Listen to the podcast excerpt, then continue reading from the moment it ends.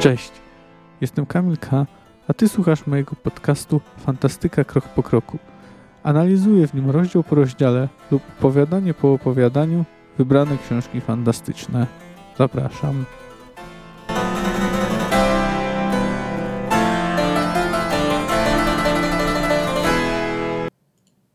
Błędy? A jakże? Popełniałem. Ale trzymałem się zasad. Nie, nie kodeksu. Zwykłem niekiedy zasłaniać się kodeksem. Ludzie to lubią. Takich, którzy mają jakieś kodeksy i kierują się nimi. Szanuje się i poważa. Nie ma żadnego kodeksu. Nigdy nie ułożono żadnego wiedźmińskiego kodeksu. Ja sobie swój wymyśliłem. Zwyczajnie.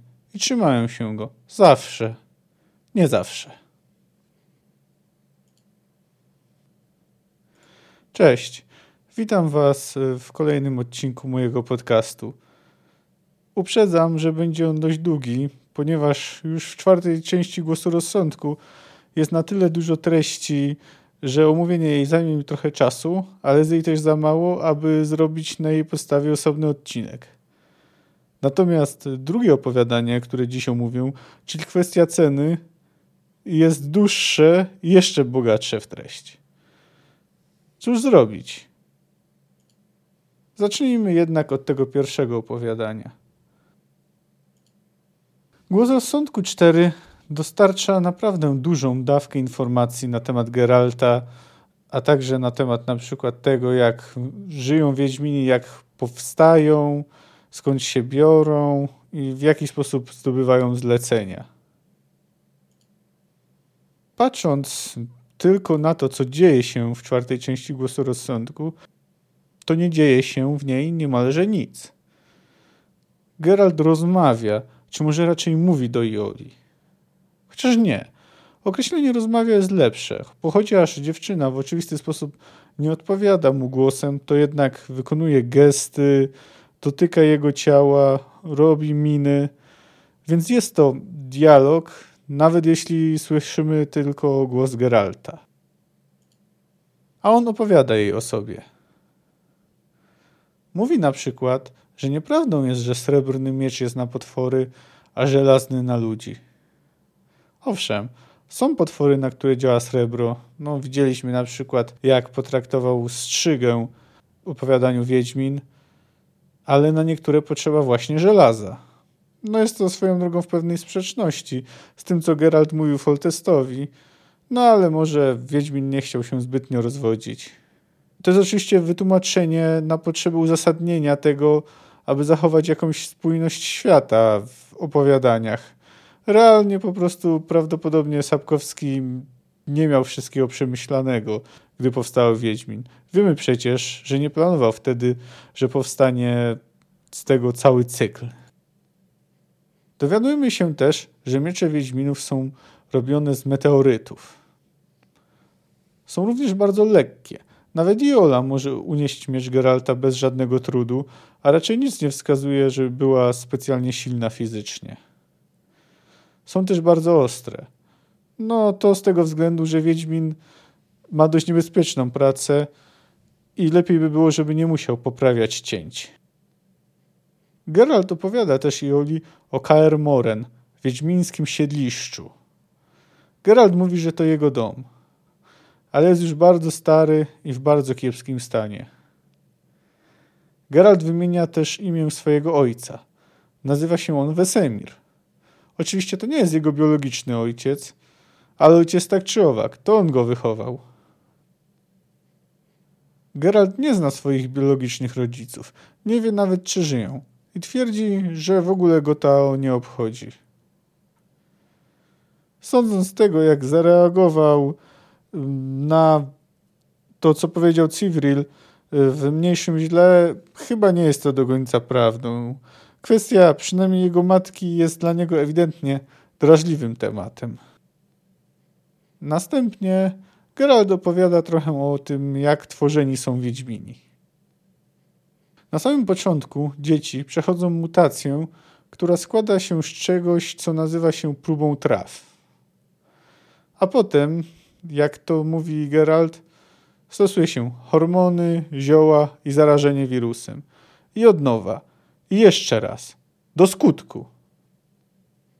No jak więc widać, proces stawania się Wiedźminem jest niezbyt przyjemny i bezpieczny. Są to de facto tortury, które zapewne mają w jakiś sposób uodpornić Wiedźmina, no, uodpornić Wiedźminów, a także dać im te właśnie specjalne mocy, które dysponują, czy też umiejętności, takie jak wyjątkowa szybkość, czy na przykład przede wszystkim wytrzymałość. Można z tego wywnioskować, że może Geralt nie jest uodporniony na choroby, bo tego nie wiemy, ale jak się wydaje, Wiedźmini są na nie bardziej odporni, rzadziej powinni na nie zapadać. Geralt zniósł te wszystkie próby zaskakująco dobrze. W tej sytuacji, widząc, że to bardzo wytrzymały dzieciak, postanowiono wykonać dodatkowe eksperymenty. One były o wiele trudniejsze do przejścia. Geralt mówi, że z grupy, którą wyselekcjonowano, jedynie on przeżył. W ich wyniku ma białe włosy. Pojawiły się one przez zanik pigmentu spowodowany przez eksperymenty. No i tu jest kolejna ciekawostka. Najwyraźniej, nawet jak na Wiedźmina, Geralt jest przypadkiem szczególnym, gdyż przeszedł jakieś dodatkowe eksperymenty, które zapewne na niego wpłynęły w, jeszcze w inny sposób niż tylko zmieniając kolor jego włosów. Ale oczywiście same mutacje nie wystarczają, żeby stworzyć Wiedźmina. Potem musi przejść lata treningów KR Moren, a gdy go ukończy, zostaje wysłany w świat. Geralt opowiada Joli o swoich pierwszych latach, a zwłaszcza o swoim pierwszym, może nie zleceniu, ale pierwszym wiedźmińskim przeżyciu. Zaraz po opuszczeniu wiedźmińskiego siedliszcza był idealistą. Chciał, poprzez eliminację potworów, uczynić świat choć odrobinę lepszym. Opowiada Joli historię, jak to uratował pewną dziewczynę od gwałtu, zabijając ludzi, którzy ją napadli. Liczył na wdzięczność. Jednak ojciec dziewczynki uciekł przed nim razem z napastnikami, a ona sama zwymiotowała na niego, a potem zdemdlała ze strachu. Dość skutecznie to przeżycie zniechęciło Geralta do odgrywania szlachetnego rycerza. Geralt opowiada też Joli, jak wygląda życie Wiedźmina. Podjeżdża on pod jakąś wieś i czeka, czy pojawi się ktoś, kto ma dla niego jakieś zlecenie. Niekiedy szuka też ogłoszeń przybitych do słupów albo gdzie indziej. No, zapewne też, jak w przypadku opowiadania Wiedźmin, może usłyszeć o jakimś zleceniu. No i wtedy też może się zgłosić do jego wykonania. Czytelnik dowiaduje się też, co było zresztą delikatnie zasygnalizowane, a nawet może nie do końca delikatnie, e, w mniejszym źle. Wielu ludzi czuje do Wiedźminów strach i obrzydzenie.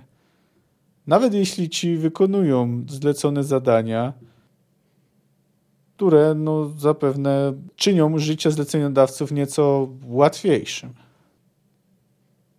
Geralt mówi dziewczynie, jak to mogliście już usłyszeć w przytoczonym przeze mnie na wstępie cytacie, że nie istnieje żaden wiedźmiński kodeks. Jednak Wiedźmin stara się kierować w swoim działaniu pewnymi zasadami, które sam wypracował. O kodeksie czasem wspomina, bo to po prostu wzbudza zaufanie. Geralt żałuje tego, co się stało w Blaviken. Uważa, że nie powinien się mieszać w tej sytuacji. Przynajmniej tak mówi Joli. Gdy o tym wspomina, dziewczyna wyciąga do niego rękę, ale on mówi, że nie chce, żeby go dotykała. Boi się, że wejdzie wtedy w trans i obydwoje mogliby za dużo zobaczyć. A Geralt nie chce znać przyszłości. Następnie Geralt wspomina o czymś, co stało się w Cintrze, że nie wie, co go podkusiło, by poprosić o to, o co poprosił.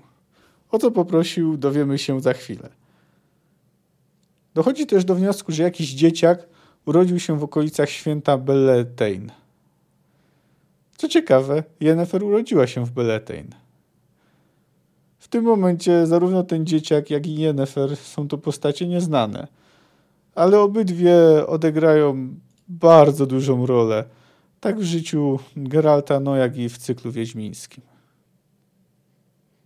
Głos rozsądku 4, patrząc na to, co się w nim dzieje, nie jest specjalnie ciekawy. Natomiast jeśli się kogoś interesuje świat, Geralt, Wiedźmini, jest bardzo interesujący. Wiedźmin otwiera się przed Iolą. Dowiadujemy się trochę o jego charakterze, o tym, co sprawiło, że jest tym, kim jest. Pomimo tego, że deklaruje, że nie patrzy wstecz, targają nim wątpliwości i wyrzuty sumienia. Tyle na temat y, czwartej części głosu rozsądku. W opowiadaniu kwestia ceny dowiemy się, czym jest prawo niespodzianki, trochę o tym, jak działa przeznaczenie, a także będziemy śledzić, jak Geralt rozmawia z kolejną, po folteście, koronowaną głową. Opowiadanie zaczyna się od tego, że Geralt ma nóż na gardle. Nie grozi mu jednak śmierć, a przynajmniej nie natychmiastowa. Zajmuje się nim Balwierz, który ma sprawić, że będzie wyglądał na tyle dobrze, że będzie mógł pokazać się na ucztę, jaką organizuje królowa Kalante. Kasztelan Haxo informuje go, że na czas tej uroczystości Geralt jest nie Wiedźminem Geraltem, a wielmożnym Rawiksem z Czteroroga.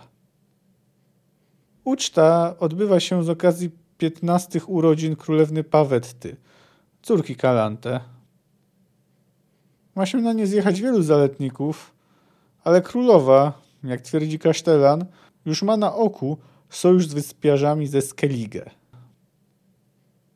Haxo zdradza jeszcze jedną polityczną ciekawostkę. Według prawa w Cintrze może panować tylko mężczyzna, a od śmierci męża Kalante, króla Regnera, minęło już trochę czasu. Gdy Wiedźmin i Kasztelan zostają całkiem sami, Geralt próbuje wybadać go o cel tej, cał... o cel tej maskarady. Kasztelan nie udziela mu jasnej odpowiedzi. Wspomina tylko coś o jakimś kolczastym potworze. Wspomina tylko coś o potworze kolczastym jak jeż, który straszy nocami. Uczta rozpoczyna się od powitania rozmaitych gości, którzy przybyli. Między innymi pojawia się wesoły baron o pseudonimie Kutkudak, a także delegacja z wysp Skellige, której przewodzi Eist Tuirseach. W jej skład wchodzą także druid Myszowór i Krach Ankreit, siostrzeniec króla Brana, który ma być przyszłym mężem Pawetty. No nie jest to oficjalnie ogłoszone, ale taki jest cel jego uczestnictwa w tej uczcie. No a wiemy już, że królowa chce sojuszu z wyspiarzami. Gdy goście już się trochę najedli, a zwłaszcza gdy już trochę wypili, Kalante uznaje, że może rozmówić się z Geraltem. Tutaj warto dodać, że został on posadzony na honorowym miejscu. Na jej prawicy. Geralt rozmawia z nią niedosłownie, ale w sumie dość otwarcie, podejrzewając, że chce ona go wciągnąć w jakąś intrygę, która będzie miała na celu zabicie ludzi. Wiedźmin nie jest mordercą na zlecenie. Nie zabija ludzi za pieniądze. W odpowiedzi królowa go ostrzega, a w zasadzie grozi mu w niezbyt zauwalowany sposób. Wiedźmin nie wydaje się tym zbytnio przejmować. W zasadzie to sam ostrzega królową. Ich rozmowa zostaje na moment przerwana przez narastające kłótnie. Ale sytuację uspokaja grający na dudach za zachętą Eista Bart przybyły ze Skellige. Grą pieśń chwalącą pierwsze zwycięstwo Kalante w bitwie pod Chocieburzem. Korzystając z hałasu jaki robi artysta, Wiedźmin i Królowa kontynuują rozmowę.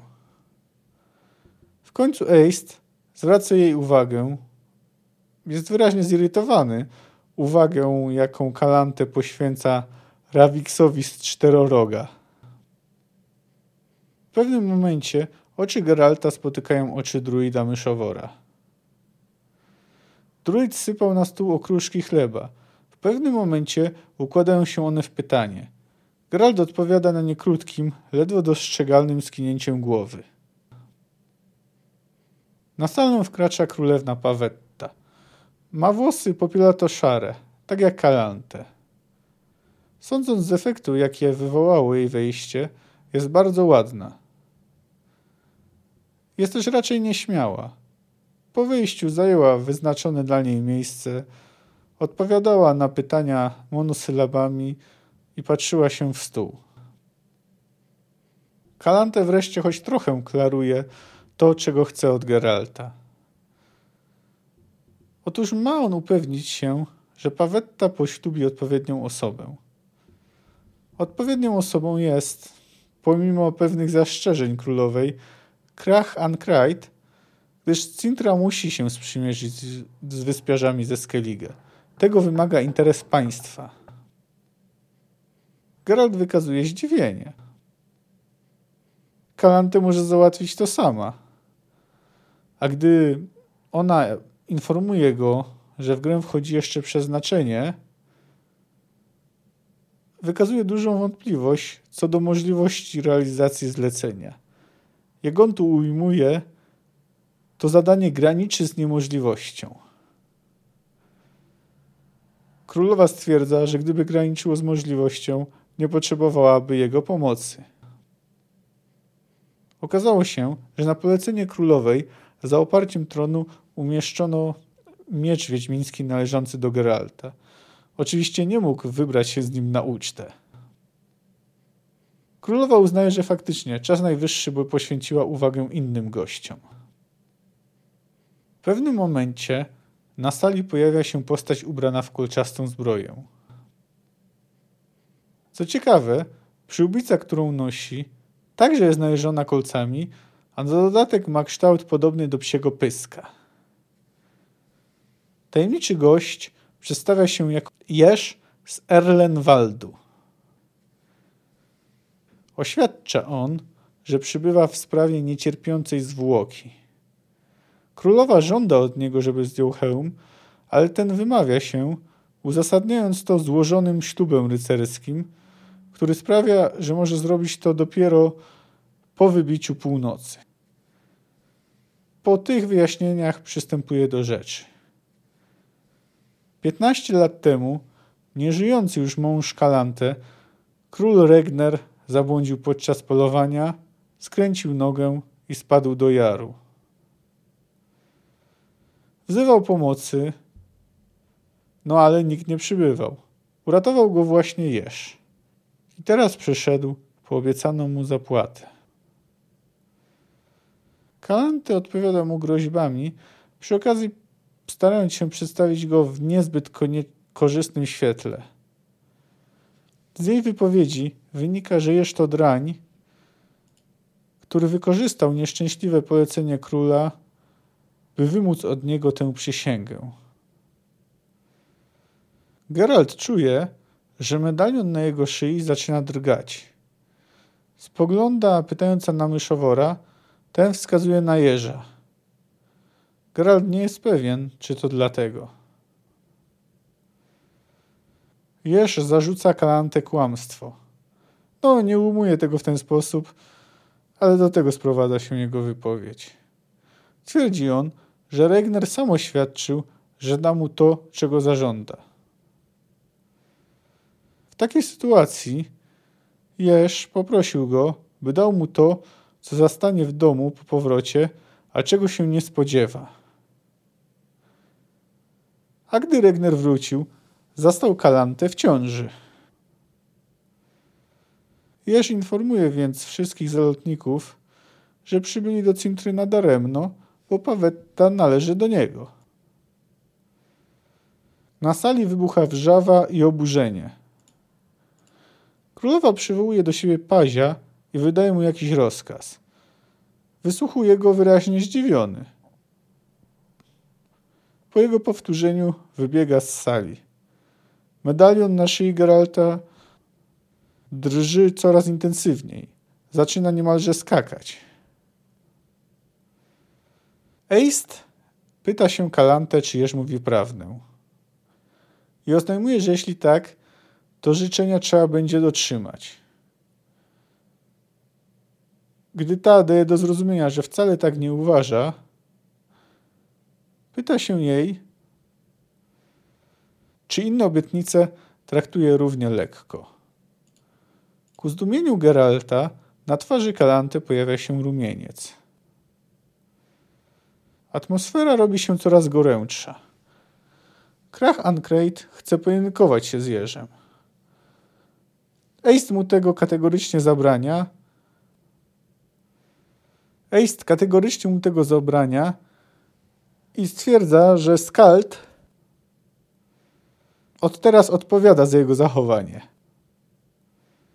Hałas robi się coraz większy. W końcu ucisza go kutkudak, naśladując ryk rozruszonego żubra. To ucisza wszystkich. Kutkudak chce zabrać głos, ale wcześniej królowa oświadcza, że nic nie obchodzi jej przysięga Regnera. Graltowi wydaje się, że wie, kto odpowiada za szarpiący się medalion. Królewna Pawetta. Nie patrzy już ona na stół, tylko wodzi oczami, od druida do wiedźmina. Kutkudak zaczyna wyrażać swoją opinię, wcześniej referując jednak coś, co nazywa prawem niespodzianki.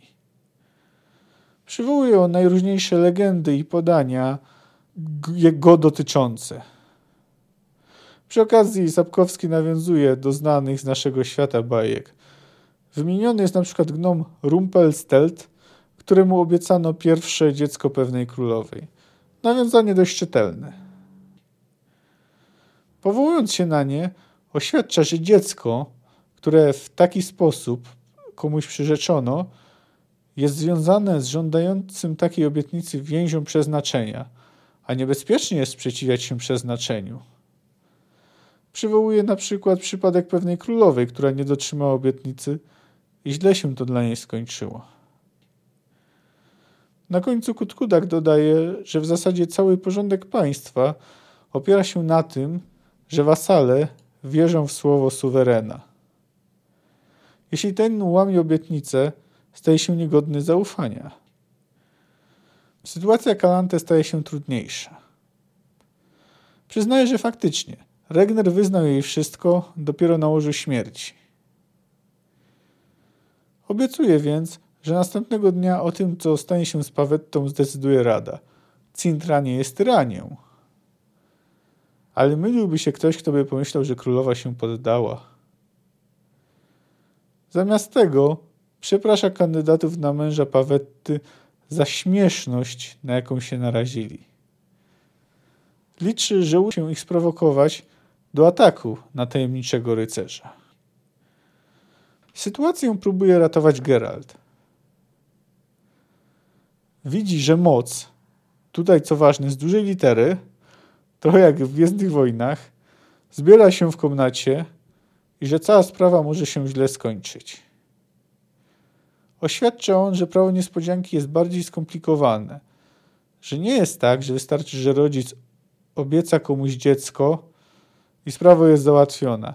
Dziecko jest przeznaczone temu, kto powołał się na prawo niespodzianki. Potrzebna jest zgoda dziecka. Dopiero ona potwierdza przysięgę. Geralt wnioskuje, że Jesz przybył do Cintry dopiero po 15 latach, bo zapewne taki warunek postawił mu król Regner. Jesz pyta, kim jest Geralt, że jest takim ekspertem w kwestiach przeznaczenia i prawa niespodzianki. Odpowiada mu myszowór tłumaczy, że Geralt został oddany w podobnych warunkach. Nagle bije dzwon ogłaszający północ. Zarówno myszowór, jak i jeż wykazują zaskoczenie i zaniepokojenie. Kalante mówi, że skoro wybiła już północ, to ślub Jerza już nie obowiązuje. Może wszystkim pokazać swoje oblicze i wtedy królewna Pawetta będzie mogła podjąć decyzję. Jeż to robi. Okazuje się, że faktycznie jest Jerzem. Przynajmniej jeśli chodzi o głowę. Królowa uśmiecha się triumfalnie. Jeż mówi jej, że doskonale wiedziała, jak wygląda, bo nie jest możliwe, by Regner nie wspomniał o tym, y, jak wyglądał jego wybawca, gdy opowiadał o całym zdarzeniu. Królowa zadaje swojej córce pytanie, czy chce stać się własnością Jerza. Geralt czuje, że moc tętniąca w komnacie narasta. Myszowór ostrzega go za pomocą kolejnej wiadomości stworzonej za pomocą okruszków chleba. Pawetta odpowiada jednym słowem, że tak. Chce odejść z Jerzem. Kalante wydaje Wiedźminowi niemy rozkaz, ale ten nie rusza się z miejsca. Czuje, że moc zaczyna koncentrować się na nim. Królowa wzywa straż. Krachan Krejt chce rzucić się na jeża, ale, ale Bart, zobowiązany do pilnowania jego zachowania, nokautuje go za pomocą uderzenia dudami w głowę. Dochodzi do walki, w której część gości chce jeża zabić, a część, między innymi Kutkudak, go broni. Strażnicy nie do końca mogą sobie poradzić z jeżem. Nie są w stanie przebić jego zbroi. Jednak jeden z gości, Reinfarn, wbija mu puginę w szczelinę w pancerzu. Jeż jest ranny. Pawetta piszczy głośno. Duny! Wiemy więc, jak Jeż ma na imię. Pawetta cały czas piszczy. Jej pisk staje się coraz bardziej nienaturalny. Reinfarn planuje zadać kolejny cios, ale wtedy interweniuje Geralt. Bierze do ręki miecz, rani Reinfarna, atakuje także strażników, którzy osaczyli jeża. Nadbiegają kolejni, ale zatrzymuje ich Eist, który atakuje ich kawałkiem krzesła. Pisk Pawetty nagle załamuje się. Geralt rzuca się na podłogę. Królewna krzyczy. Stół z potrawami, a także tron, na którym siedziała Kalante, zaczęły się unosić i wirować w powietrzu.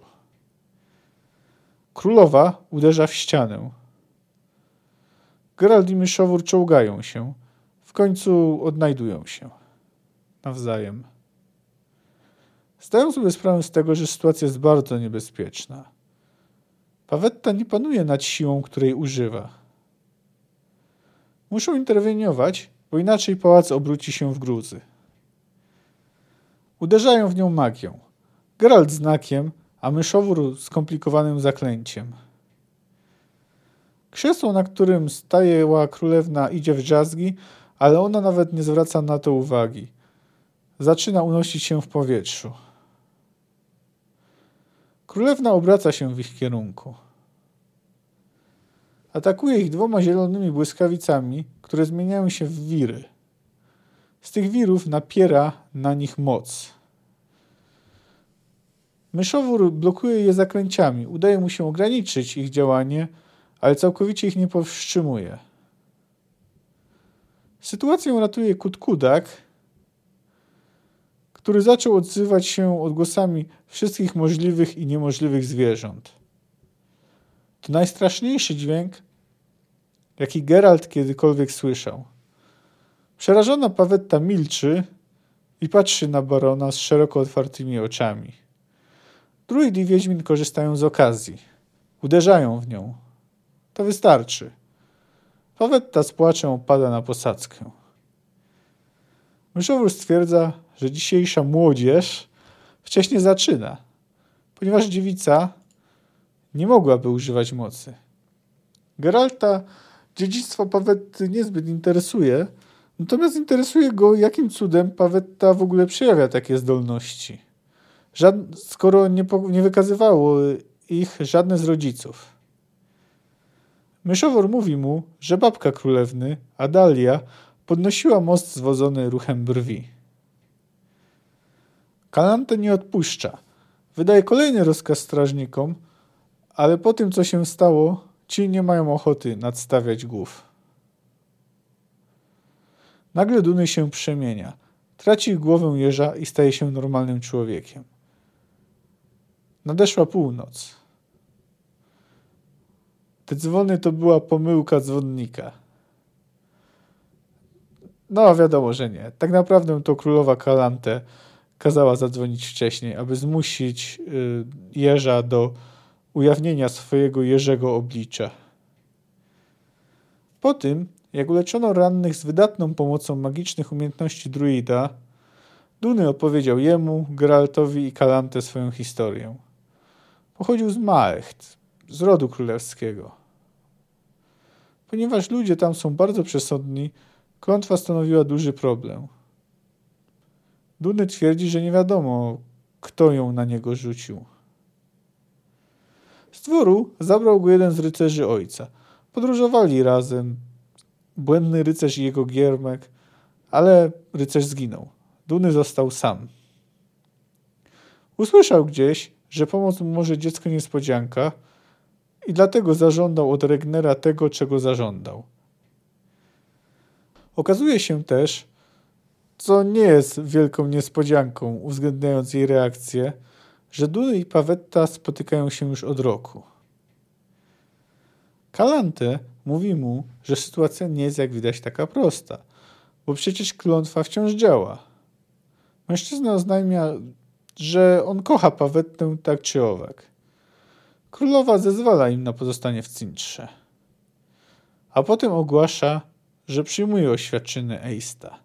Choć ten na początku opowiadania oświadczył, że jego tryb życia uniemożliwia mu wzięcie jakiejś kobiety za żonę.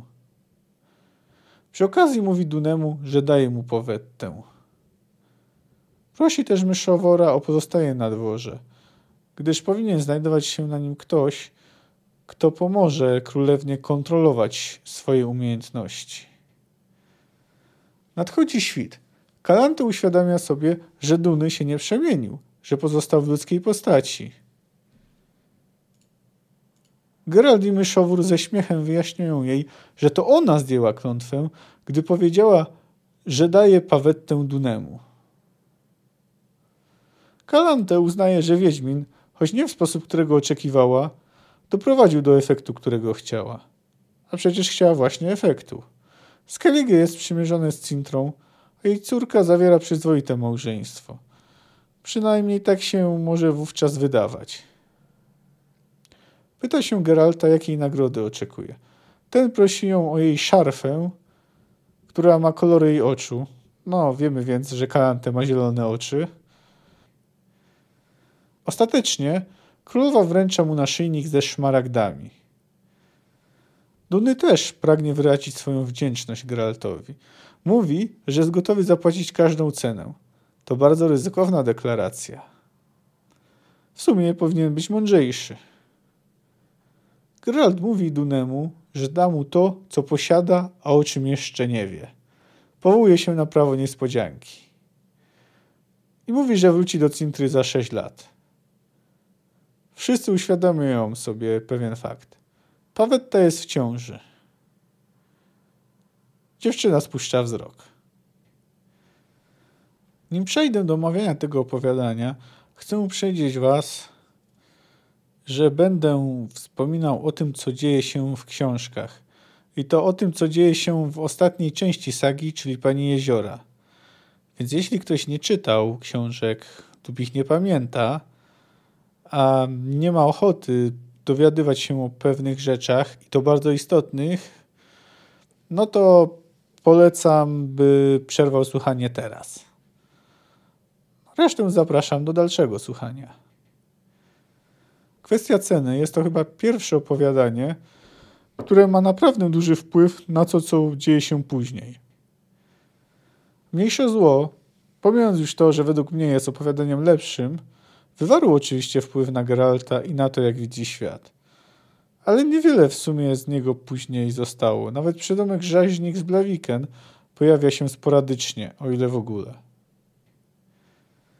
Tak jak w poprzednim opowiadaniu, Sapkowski inspirował się królewną Śnieżką, a wcześniej piękną i bestią, tym razem wziął na tapet jedną z baśni braci Grimm.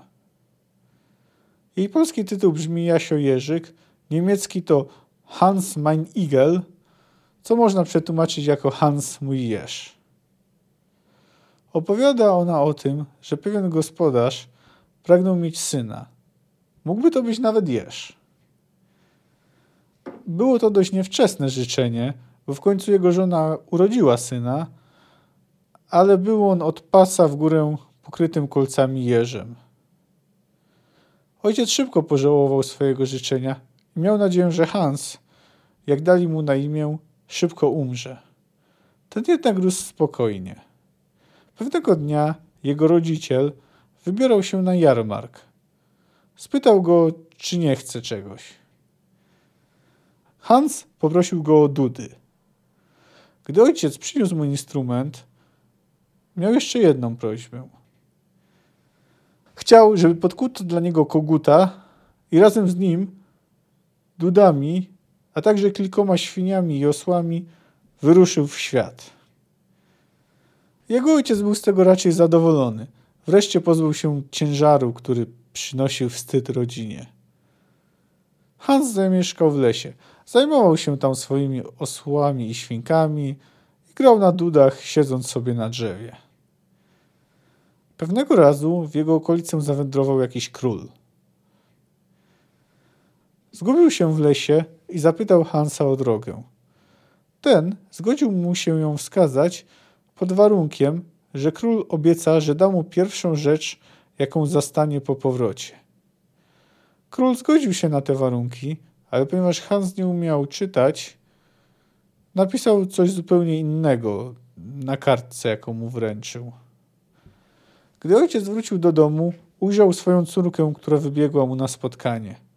Opowiedział jej o całym zdarzeniu. Ona ucieszyła się, że jej ojciec nie ma zamiaru spełnić danej obietnicy. Po jakimś czasie w lesie zabłądził inny król. Złożył on tą samą obietnicę. Ale jego córka zachowała się inaczej i obiecała, że gdy stworzenie tego zażąda, pójdzie z nim. Hansowi znudziło się życie w lesie. Zabrał więc całe swoje stado, które mocno powiększyło się przez lata i wyprawił wielką ucztę w rodzinnej wsi.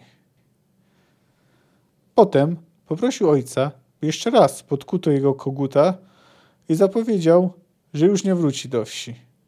Jego ojciec się z tego ucieszył. Ucieszył się, że już nie będzie musiał oglądać swojego syna. Hans udał się do pierwszego królestwa. Do tego, gdzie rządził ten król, który zamierzał go oszukać. Władca wydał rozkaz żołnierzom, aby go zaatakowali. On jednak przeleciał ponad nimi na swoim kogucie i usiadł na królewskim oknie. Zagroził królowi, że zabije jego i jego córkę, jeśli jej nie wyda. Cóż było robić? Król przygotował dla nich piękną karetę, królewna założyła białą suknię i odjechali. Ale gdy przejechali kawałek od miasta, Hans oznajmił, że wcale nie chce królewny. Zdarł z niej ubranie, pokłuł kolcami do krwi i przepędził. Przybył do drugiego królestwa. Tam czekało na niego inne przyjęcie. Został przyjęty z honorami. Królewna nieco przestraszyła się na jego widok, ale wiedziała, że nie może nic poradzić. Słowo się rzekło. Najbardziej bała się nocy poślubnej. Była pewna, że Hans ją pokuje. Ale ten nakazał czekać strażnikom pod drzwiami i aby, gdy wybije jedenasta, padli do komnaty i spalili skórę, którą z siebie zrzuci. Tak zrobili. Okazało się, że Hans to całkiem przystojny młodzian. Przestał być jeżem. Król oddał mu całe królestwo. Po kilku latach Hans odwiedził starego ojca i zabrał go ze sobą. No, inspiracje są więcej niż czytelne. Największą różnicą pomiędzy historią Dunego a Hansa jest to, że Duny nie urodził się taki, ale został przez kogoś przeklęty.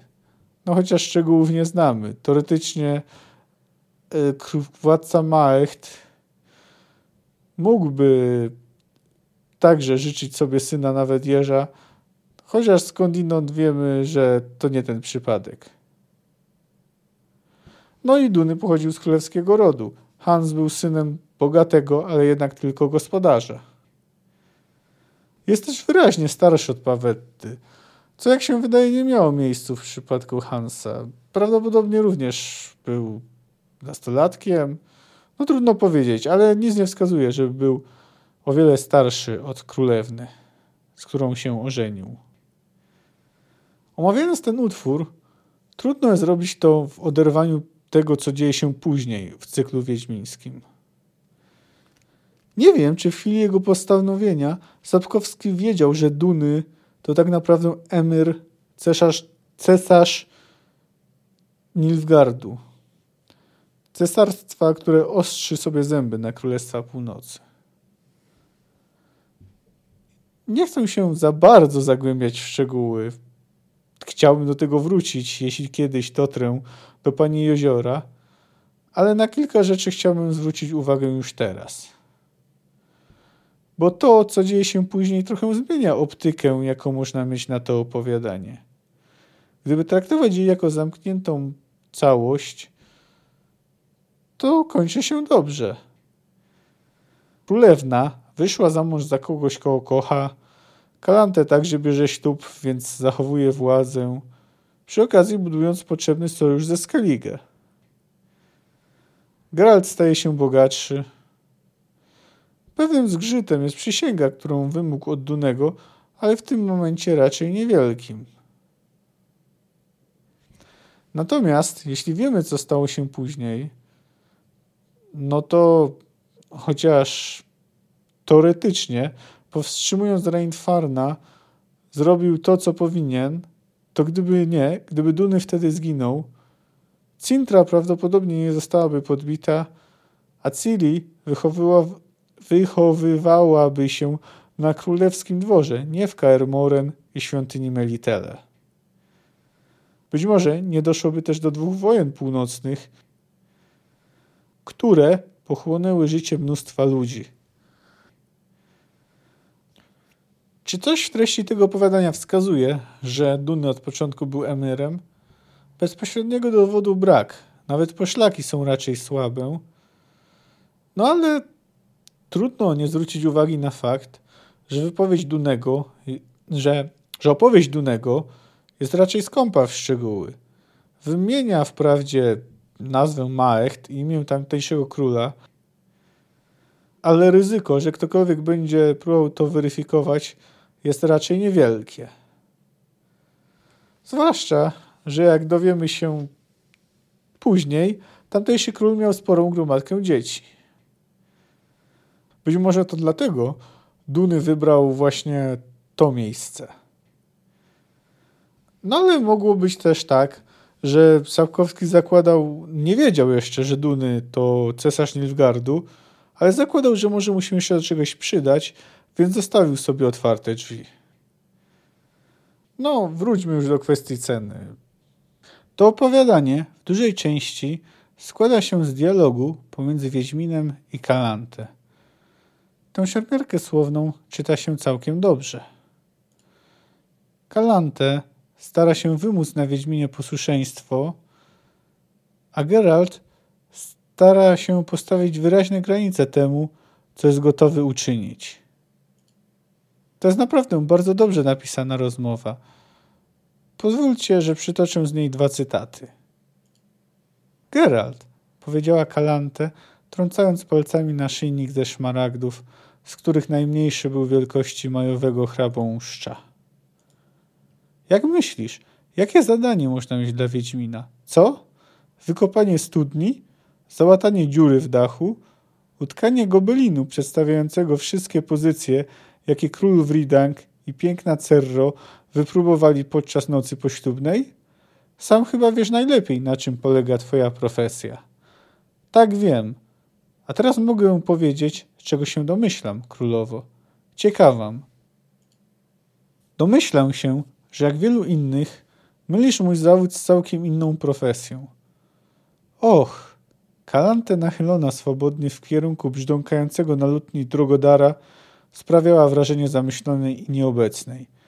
A kimże, Geralt, są ci inni, których jest tak wielu, a z którymi byłeś łaskaw zrównać mnie pod względem ignorancji? I z jaką to profesją mylą twój zawód owi głupcy? Królowo, rzekł Geralt spokojnie. Jadąc do Cintry, spotykałem wieśniaków, kupców, krasnoludów, domokrążców, kotlarzy i drwali. Mówili mi o zjadarce, która gdzieś w tutejszych lasach ma swoją kryjówkę. Domek na pazurzastym, kurzym trójnogu. Wspominali o przerazie gnieżdżącej się w górach, o żagnicach i skolopendromorfach. Podobno znajdzie się i mantikora, jak dobrze poszukać. Tyle zadań, które mógłby wykonać Wiedźmin, nie musząc przy tym stroić się w cudze piórka i herby. Nie odpowiedziałeś na moje pytanie. Królowo, nie wątpię, że przymierze ze Skellige zawarte przez małżeństwo twojej córki jest Cintrze potrzebne. Możliwe też, że intryganci, którzy chcą temu przeszkodzić, zasługują na nauczkę i to w taki sposób, by władca nie był w to zamieszany. Pewnie, że byłoby najlepiej, by tę nauczkę dał im nieznany nikomu pan z czteroroga, który zniknie potem ze sceny. A teraz odpowiem na twoje pytanie. Mylisz mój zawód z profesją najemnego mordercy. Ci inni, których jest tak wielu, to ci, którzy mają władzę. Nie pierwszy raz wzywany jestem na dwór, na którym problemy władcy wymagają szybkich ciosów miecza. Ale ja nigdy nie zabijałem ludzi dla pieniędzy, niezależnie w dobrej czy złej sprawie. I nigdy tego robił nie będę. Dość ciekawa wymiana zdań. Mamy tu i erudycję, i ledwo skrywane groźby, ale i spokój Geralta i jego argumentację. No a teraz czas na drugi cytat. Aha, powiedziała cicho Kalante, najwyraźniej rada z efektu. I co powiesz, Geralt? Dziewczyna wdała się w matkę, bez fałszywej skromności. Aż mi jej trochę szkoda dla tego rudego kloca kracha. Cała moja nadzieja w tym, że może ze szczeniaka wyrośnie ktoś klas... Eista tuirseach. Wszak to ta sama krew. Słuchasz mnie, Geralt? Cintra musi sprzymierzyć się ze Skellige, bo wymaga tego interes państwa. Moja córka powinna poślubić odpowiednią osobę, bo to jest moja córka. To właśnie jest efekt, który musisz mi zapewnić. Ja mam to zapewnić? Czy aby tak się stało, nie wystarczy twoja wola, królowo? Sprawy mogą potoczyć się tak, że nie wystarczy. Cóż może być silniejsze od twojej woli? Przeznaczenie. Aha, a zatem ja, biedny Wiedźmin, mam stawić czoła przeznaczeniu silniejszemu od królewskiej woli. Wiedźmin walczący z przeznaczeniem. Cóż za ironia. Co jest ironią? Mniejsza z tym. Królowo, wygląda na to, że usługa, której żądasz, graniczy z niemożliwością. Gdyby graniczyła z możliwością, wycedziła Kalantę za uśmiechniętych warg, poradziłabym sobie z tym sama. Nie potrzebowałabym sławnego Geralta z Rivi. Przestań mędrkować. Wszystko jest do załatwienia, to tylko kwestia ceny. Do cholery, w twoim wiedźmińskim cenniku musi figurować cena za to, co graniczy z niemożliwością. Domyślam się, że nie mała. Zapewnisz mi efekt, o którym mówiłam, a dam ci to, czego zażądasz. Widać wyraźnie, że Kalante nie jest nawykła do tego, że ktoś może po prostu nie chcieć wykonać jej rozkazu. Ale wie, że Wiedźmin jest jej kartą atutową, która ma zaradzić problemowi, który może stanąć na drodze do mariażu jej córki z krachem. No i jeszcze wracając do tej ironii. Wiedźmin walczący z przeznaczeniem. Jest to trochę ironiczne, bo przecież Geralt faktycznie będzie walczył z przeznaczeniem. I to wielokrotnie, i to dość intensywnie. Ciekawe jest to, że nawet po ujawnieniu, jak wygląda Jesz, że jest potworem, nie wszyscy poddani, a i goście weselni, y, Kalante stanęli po jej stronie. Niektórzy nie chcieli zrobić czegoś, co uznawali za niehonorowe. No tutaj oczywiście dochodzi jeszcze jedna rzecz, o której mówił Kutkudak. Feudalizm to oczywiście nie był sprawiedliwy ustrój, ale nie był też całkowitą tyranią. Król nie mógł robić wszystkiego, co mu się podoba. Seniora i jego wasali wiązała umowa. To też, gdy poddani usłyszeli, że Kalante nie ma zamiaru honorować przysięgi, która ją obowiązuje, ich niepokój i konsternacja wzrosły. Bo skoro nie dotrzymuje jednej przysięgi, to skąd wiadomo, czy będzie dotrzymywać innych? Otwarcie wypominali to zresztą Eist. No dobrze, teraz spróbujmy odpowiedzieć na pytanie, które Geralt sam sobie stawia w głosie rozsądku. Dlaczego w ogóle poprosił o to? Dlaczego poprosiło dziecko Pawetty? Zacznijmy od tego, jaki on sam podaje powód. Duny, rzekł poważnie Geralt. Kalante, Pawetto i ty, prawy rycerzu Tuirseach, przyszły królu Cintry.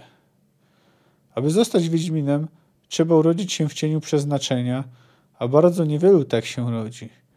Dlatego jest nas tak mało. Starzejemy się, giniemy, a nie mamy komu przekazywać naszej wiedzy, naszych zdolności. Brakuje nam następców. A ten świat pełen jest zła, które tylko czeka, by nas zabrakło. Gerald udziela dość prostej odpowiedzi. Chce, aby na świecie było więcej Wiedźminów. No i w tym miejscu pojawia się jednak kilka problemów. Wspomina Ioli, że Wiedźminów już się nie produkuje. I z kontekstu nie wynika, że zaprzestano ich tworzenia ostatnio. Miało to miejsce no, dość dawno, jak się wydaje z tego z kontekstu. No i dość ciekawe jest to, co Wiedźmin mówi o urodzeniu w cieniu przeznaczenia. To raczej nie jest prawda. Przecież nawet sam Geralt nie był dzieckiem niespodzianki. Jak dowiadujemy się później, jego matka zostawiła go Wiedźminom z własnej woli. Nie była zobowiązana żadną przysięgą. Myszowór oczywiście nie musi tego wiedzieć. No ale Geralt doskonale zdaje sobie z tego sprawę. Poza tym jest ich niewielu prawdopodobnie dlatego, że wielu ginie podczas próby traw, no i eksperymentów i różnych nieprzyjemnych rzeczy, jakie jej towarzyszą.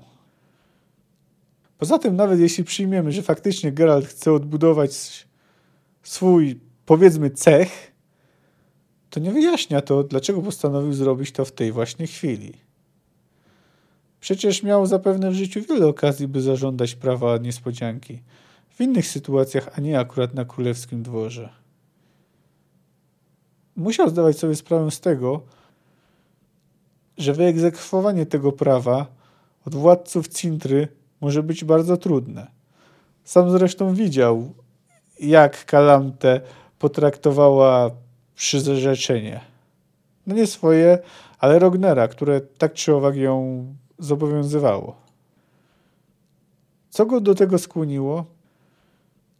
Może to, że był właśnie świadkiem tego, jak działa przeznaczenie. Że pomimo wielu przeszkód, jakie stanęły na ich drodze, Powetta i Duny byli w końcu razem. Może więc pomyślał, że to dziecko zostanie Wiedźminem. Pomimo tego, że już nie są tworzeni. Poniekąd w zasadzie to jego życzenie się spełniło. Pewien wpływ mogły też mieć legendy przytaczane przez Kutkudaka. Dość często dotyczyły one przysięg składanych przez ważne osoby, w tym królów i królowe. Prawo niespodzianki należy poświęcić jeszcze kilka słów. Oczywiście jest to motyw wykorzystany w baśni braci Grimm, nawet jeśli nie jest dosłownie tak nazwane. Ale co bardzo ciekawe, coś podobnego pojawia się nawet w Starym Testamencie. Jefte przed bitwą przysiągł, że jeśli ją wygra, to złoży w ofierze pierwszą rzecz, która wyjdzie z jego domu. Okazało się, że jako pierwsza wyszła jego córka, która wyszła mu na spotkanie. Jefte złożył z niej ofiarę. W polskim przekładzie mówi się o ofierze całopalnej, chociaż niektórzy badacze twierdzą, że chodziło jedynie o ofiarę z jej dziewictwa. Nie będę się zagłębiał w to zagadnienie. To nie jest podcast o Biblii, chociaż nie powiem. Próba omawiania Biblii rozdział po rozdziale byłaby całkiem ciekawym wyzwaniem. I czasochłonnym. Miałbym roboty, no, przynajmniej na kilka najbliższych lat, a może i kilkanaście.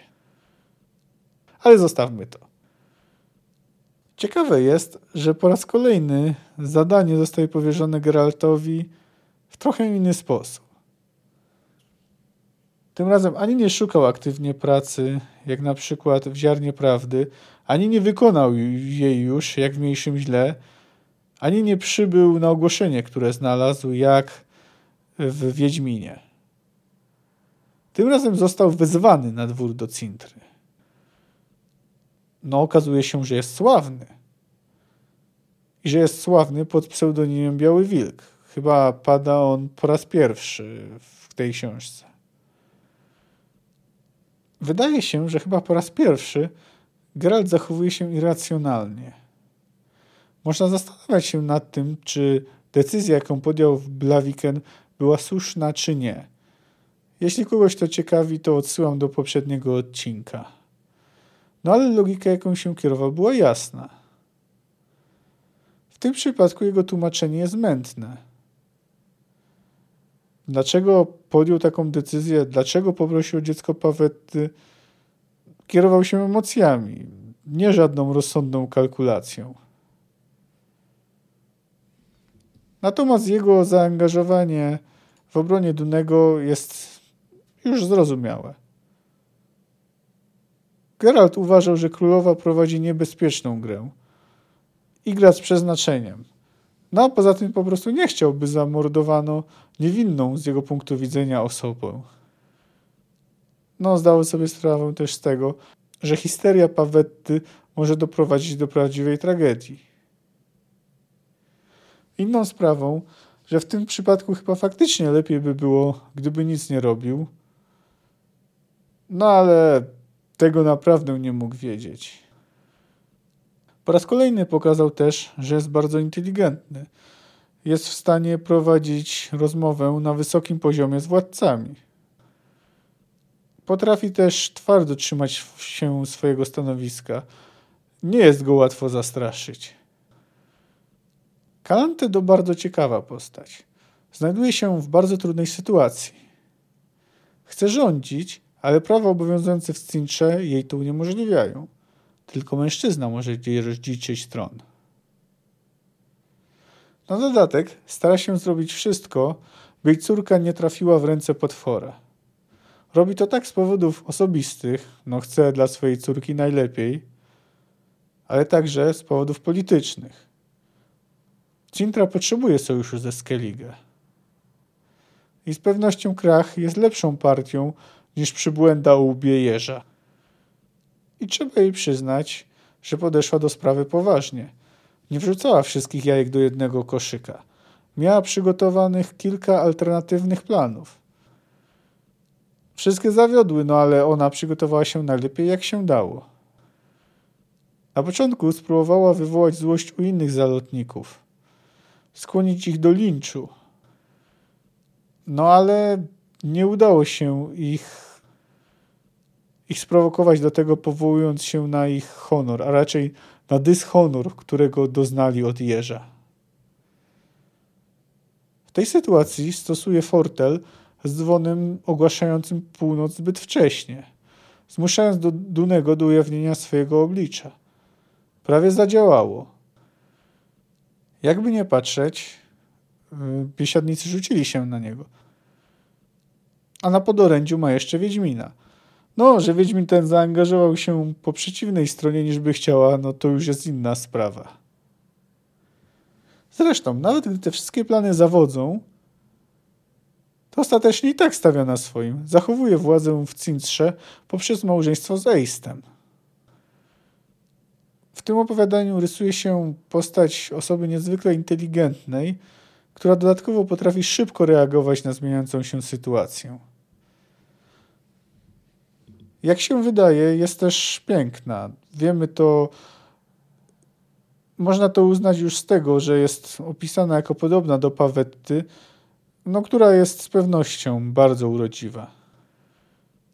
Także fakt, że Ace się w niej zakochał, może na to wskazywać. No i pewną ciekawostką jest to, że potrafi walczyć. Skoro brała udział, a chyba nawet dowodziła w zwycięskich bitwach. O Pawetcie, która z pewnego punktu widzenia jest najważniejszą postacią w tym opowiadaniu, wokół wszystko się kręci, można powiedzieć w sumie niewiele. Jest zakochana w Dunym, jest nieśmiała, ale jest też zdeterminowana. No i dysponuje też magicznymi zdolnościami o wielkiej mocy, których nie potrafi kontrolować. Niewiele więcej można o niej powiedzieć. No, jeszcze można dodać, że ma 14 lat, co sprawia, że jej romans z Dunym jest, no. Niewłaściwy to bardzo delikatne określenie. Pod koniec jeszcze trochę się do tego odniosę. Duny, i tu mówię o samym Dunym, w oderwaniu od tego, że jest Emirem, nie jest może kryształową postacią. Czerpie wyraźną przyjemność z okazji do upokorzenia Kalanty, gdy mówi jej, że ona włoży dłoń swojej córki w jego dłoń. No ale nie jest też tak, że nie ma powodów, by darzyć królową niechęcią ale generalnie jest całkiem sympatyczny. A na koniec wyraża Geraltowi wdzięczność, choć nie musi go wynagradzać. To wszystko jest prawdą, ale tylko jeśli, jak już powiedziałem, ograniczam się tylko do tego opowiadania i nawet wtedy musimy przymknąć oko na to, że uwiódł on dziecko. No nastolatkę, no ale 14 lat to nie jest wiek dojrzały, nawet jeśli ktoś szybko dorasta. A gdy już weźmie się pod uwagę całość cyklu, to wtedy trudno uznać go za sympatyczną postać. Co można powiedzieć o pozostałych bohaterach tego opowiadania? Myszowór szybko orientuje się, kim jest Geralt, że jest Wiedźminem. Również staje w obronie Dunego, może z wierności wobec Eista, odgrywa kluczową rolę w powstrzymaniu Pawetty. Wydaje się, że jego wiedza na temat świata i magii nie jest pełna. Gdy orientuje się na przykład, że nie każdy Wiedźmin jest dzieckiem niespodzianką, no ale tu mógł po prostu zgadywać, że Geralt, skoro tak się na ten temat wypowiada, to nim był. I raczej myli się w przypadku dziewictwa Pawetty. No albo Sapkowski później się rozmyślił. Tutaj nie mamy jednoznacznej odpowiedzi. Co ciekawe, posługuje się to różdżką. Nie jest to zwyczajem wśród osób posługujących się magią, no ale Stregobor też miał przy sobie różdżkę. Jest też druidem. O druidach w tym momencie wiemy w sumie nic. No wiemy, że posługują się magią. No wiemy też, że myszowór pochodzi ze Skellige, no ale to jest informacja, która nie musi być w związku z tym, że jest druidem. Eist pokazuje charakter. Jest twardym, męskim wyspiarzem, który mięknie pod wpływem urody Kalante, ale potrafi trzymać się swoich zasad. Nawet wtedy, gdy musiał sprzeciwić się Kalante, stanąć po przeciwnej stronie, postąpił tak, jak uważa to za słuszne. W tym sensie trudno nie uznać go za postać pozytywną. Kutkudak wprowadza element komediowy swoim zachowaniem, umiejętnością naśladowania rozmaitych zwierząt, no ale wykazuje się również pewną odwagą, gdy otwarcie krytykuje Kalantę, albo później, gdy broni Dunego. No i w sumie to on sprawił, że Wiedźmin z druidem zdołali unieszkodliwić królewnę. Magia odgrywa kluczową rolę w tym opowiadaniu. Samo prawo niespodzianki, wiążące dziecko z tym, kto wymaga od, od jego potencjalnego rodzica, aby dał mu coś, co zostanie w domu, a czego się nie spodziewa, no jest oczywiście magiczne. Przeznaczenie u Sapkowskiego jest dość skomplikowane. Nie jest to taka prosta siła, że oznacza to, przeznaczenie nie oznacza to, że przyszłość jest zdeterminowana. Tak jak wspomniałem już w którymś z poprzednich odcinków o koncepcji greckiej fatum, to u Sapkowskiego tak nie działa. To nie jest tak, że cokolwiek bohaterowie nie zrobią, co ma się zdarzyć, zdarzy się i tak. Życie jest bardziej złożone. Potrzebne jest tu coś więcej. Nieprzypadkowo użyłem tego sformułowania. Potrzebna jest wola. I to wola nie tylko tego, kto żąda, powołuje się na prawo niespodzianki, ale także dziecka. No oczywiście jest tak nie zawsze. Tu jest sprawa trochę bardziej złożona, bo to w końcu ostatecznie akceptacja Kalante była wymagana, by Duny został odczarowany. Niemniej jednak można zakładać, że gdyby Pawetta odrzuciła Dunego, to nić przeznaczenia pomiędzy nimi zostałaby zerwana. Zatem przeznaczenie wiąże ze sobą dwoje ludzi, ale nie jest ślepe.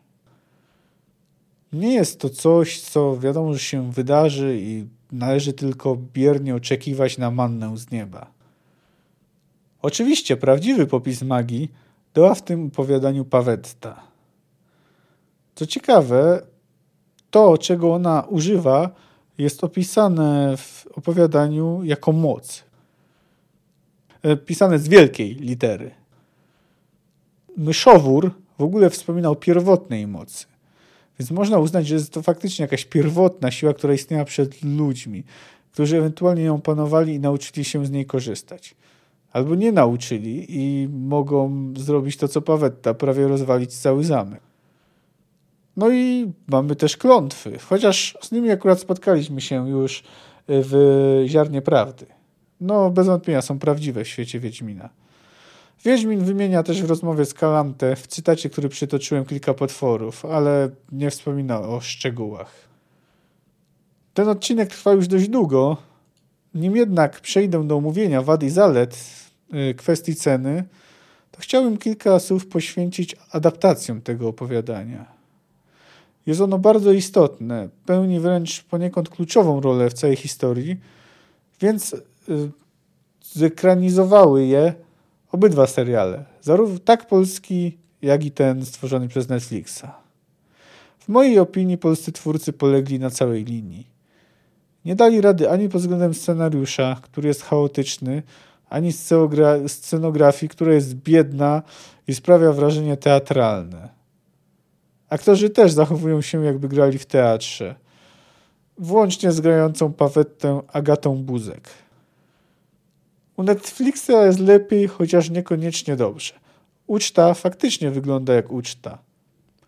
Jaskier, którego w opowiadaniu nie ma, a tam pojawia się na dworze, niespecjalnie przeszkadza. Duny w potwornej postaci też wygląda nieźle. Jest jednak jedna rzecz, która mnie niepomiernie irytuje. Kompletnie zmarnowano potencjał postaci Kalante.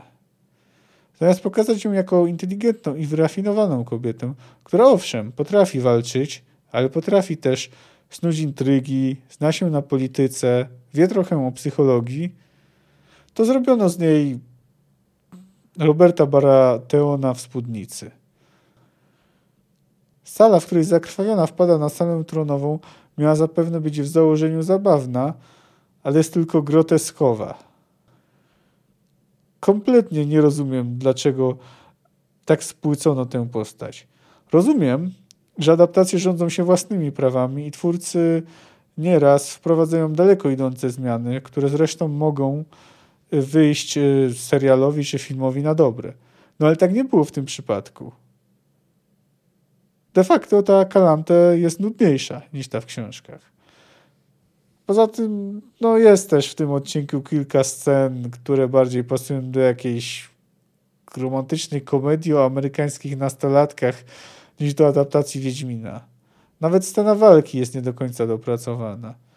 No można ten odcinek obejrzeć, ale generalnie nie polecam. No chociaż chyba w sumie i tak jest jednym z lepszych.